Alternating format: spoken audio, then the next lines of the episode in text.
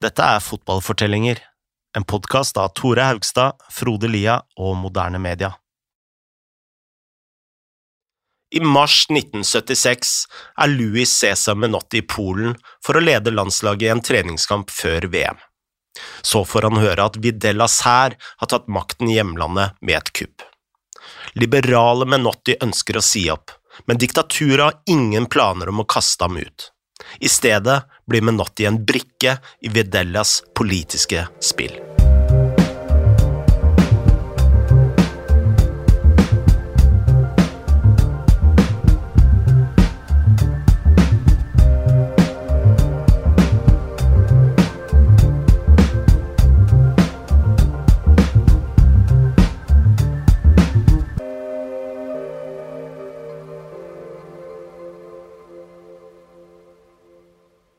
Cæsar Louis Menotti kunne knapt hatt et politisk ståsted som var lengre unna diktaturet.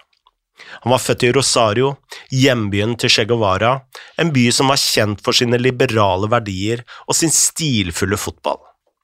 Menottis far var tilhenger av Perón og hadde sine fiender. Familiens hus ble skutt på to ganger, og hver gang faren kom hjem og skrudde på lysene, pleide Menotti å kaste seg ned på gulvet i tilfelle noen skulle luske utenfor med et lada gevær. Menotti var fortsatt i tenårene da faren døde. Nå var Perón i eksil, så Menotti løp ut i gatene i Rosario og spraya graffiti på veggene som sa 'Perón vil komme tilbake'. Men etter lange diskusjoner med venner meldte Menotti seg inn i kommunistpartiet. Samtidig spilte han fotball, eh, og han var en høy, tynn og elegant spiss for Rosario Central, Racing, Boca pluss Santos og New York Generals. Da han la opp, tok han jobb som journalist mens han ble venner med professorer, politikere og andre liberale. Så ble han trener og førte Huracan til Metropolitano-tittelen i 1973.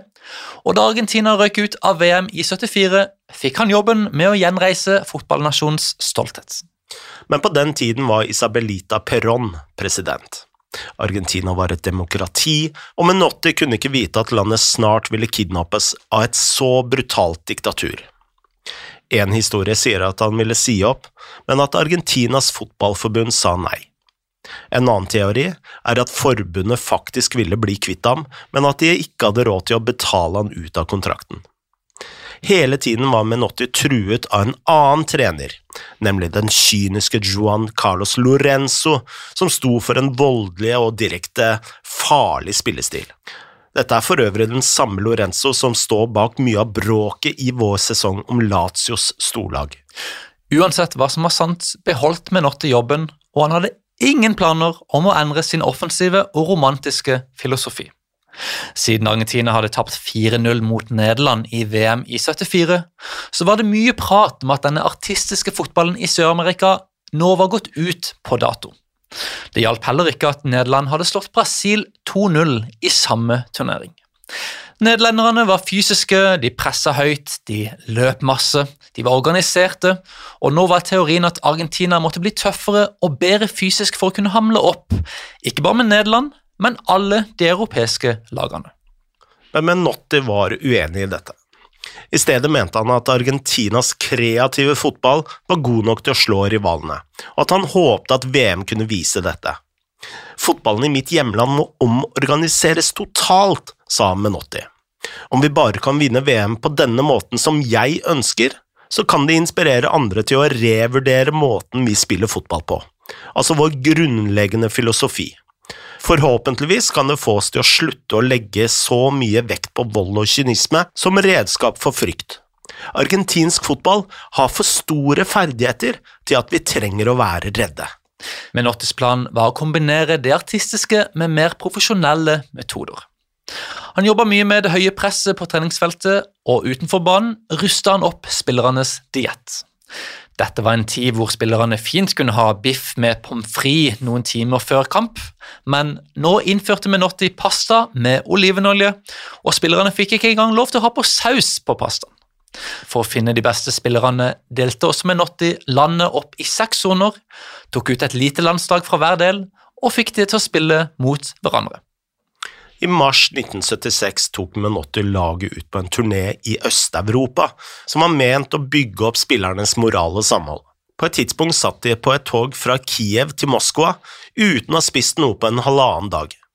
De fikk utdelt pølser og en loff som de delte slik at alle fikk en skive hver. Senere reiste de åtte timer gjennom en snøstorm for å spille i Ungarn i Budapest. Og dette var den beste kampen, hvor spillerne løp mest, sammen med Notti. Sulten etter å vinne var å ta og føle på. Menotti ville også at så mange spillere som mulig skulle holde til i Argentina. Da superstjerna Mario Campus dro til Valencia i 1976, overtalte Menotti forbundet til å forby alle salg av spillere til utlandet som ikke hadde hans autorisasjon. Da Menotti tok ut VM-troppen to år senere, var Campus den eneste som spilte utenfor landets grenser. Selve uttaket av troppen var dømt til å bli kontroversiell. Den mest omtalte avgjørelsen handla om Diego Maradona, som i en alder av 17 år allerede har blitt en nasjonal sensasjon for Argentinos juniors. Maradona følte at han var klar for VM, men Menotti endte opp med å vrake ham. Den eneste forklarlige teorien var at Menotti hadde en rekke gode spillere til tierrollen, og at Maradona ennå ikke var moden nok men andre mente at Menotti selv ville ha æren og oppmerksomheten i VM, og at han frykta at Diego ville stjele rampelyset. En som definitivt ikke forsto avgjørelsen, var Diego sjøl. Han skrev at han aldri kom til å tilgi Menotti for det han anså som en fryktelig urettferdighet. Da Maradona fikk nyheten på treningsleiren om at han var vraka, så brast han sammen i gråt, og det tok lang, lang tid før tårene tørka. Da han kom hjem til familien, gråt både foreldrene, søstrene og brødrene. Stemninga i huset var som en begravelse, skrev Maradona. Senere skrev Maradona at på den dagen som var den tristeste i min karriere, sverga jeg på at jeg skulle få min revansj. Det var den største skuffelsen i mitt liv. Den prega meg for alltid, den definerte meg. Jeg kunne føle det i beina og i hjertet og i hodet at jeg en gang kom til å vise dem alle. Den kvelden satt han oppe til klokka fem om natta med faren og Hoji sytespiller, som var agenten og vennen hans. De tre satt sammen og prata, trøsta hverandre og spiste pizza som syterspiller hadde bestilt. To dager senere spilte en rasende Maradona mot Chakriata. Han skåra to mål, la opp til to andre, og Argentinos vant 5-0. Ettersom VM nærmer seg, ble det stadig mer åpenbart for resten av verden hvor grusomt Videlas militærdiktatur virkelig var. Amnesty fortsatte sin kampanje med å spre informasjon om alle de som var døde og forsvunnet. En annen kritisk røst var den engelske avisen Buenos Aires Herald, hvor redaktøren Robert Cox ble arrestert uten grunn, før familien mottok en rekke trusler. Snart begynte en gjeng tøffe damer å protestere mot regimet. I april 1977 samla det seg en gruppe på den symbolske plassen Plaza di Mayo, hvor de holdt opp bilder av sine barn. Disse barna hadde forsvunnet uten spor, og nå krevde mødrene å vite hva som hadde skjedd. Hver torsdag samla de seg på plassen og marsjerte sammen til presidentpalasset Casa Rosada. Disse protestene fikk internasjonal oppmerksomhet, og diktaturet beskrev dem som Las Locas, altså de gale damene. Men mødrene nekta å gi seg før de hadde fått svar. I oktober 1977 publiserte de en artikkel i avisen La Prensa som sa Hvem skal vi spørre for å vite sannheten om våre barn? Vi vil vite om de som er forsvunnet, er døde eller i live. Hvor er de? To måneder senere, altså den 10. desember, som var dagen for menneskerettigheter, publiserte de en annonse med navnene til alle barna som var forsvunnet. Dette likte åpenbart ikke regimet, for samme kveld ble en av grunnleggerne av bevegelsen, Asukena Villaflor, kidnappa i sitt eget hjem. Hun ble sporløst borte, og liket ble ikke identifisert før i 2005, da det ble klart at hun hadde blitt tatt opp i et militærfly og kasta ut i Atlanterhavet. Fifa hadde ingen planer om å stoppe showet. Presidenten var nå Jao Havelange, som hadde vunnet valget i 1974, og som selv var vant med et militærdiktatur i Brasil. Han sa at han var en av de som var mest avhengig av Argentinas harde arbeid, og at han sannelig ikke hadde blitt skuffet. Det fyller meg med stolthet, sa Avalanche. Alt vi har foreslått, har blitt levert. I tillegg til Amnesty nevnte vi også den franske boikottbevegelsen i forrige episode. Noen uker før VM hadde de ikke fått noen land til å holde seg unna mesterskapet. Så den 23. mai gjorde de et siste forsøk. Den dagen, altså like før det franske landslaget skulle fly til Argentina, så forlot landslagstreneren Michel Hidalgo et lite hus han eide utenfor Bordeaux. Han og kona var på vei i bilen mot en togstasjon for å komme seg helt inn til Paris. Plutselig kom en bil imot dem på veien. Den tvang Hidalgo til å stanse i veikanten. Så kom en gruppe menn ut av bilen, en av dem med en pistol. De tok ham ut i skogen i et forsøk på å kidnappe ham, men Hidalgo klarte å ta pistolen fra dem, og så løp han så fort han kunne. Han kom seg inn i bilen, kjørte til en politistasjon og ga pistolen til politiet. Der ble han fortalt at våpenet heldigvis ikke var ladet. Samme kveld fikk nyhetsbyrået AFP en anonym telefon fra en gruppe som hevda at de sto bak kidnappingsforsøket.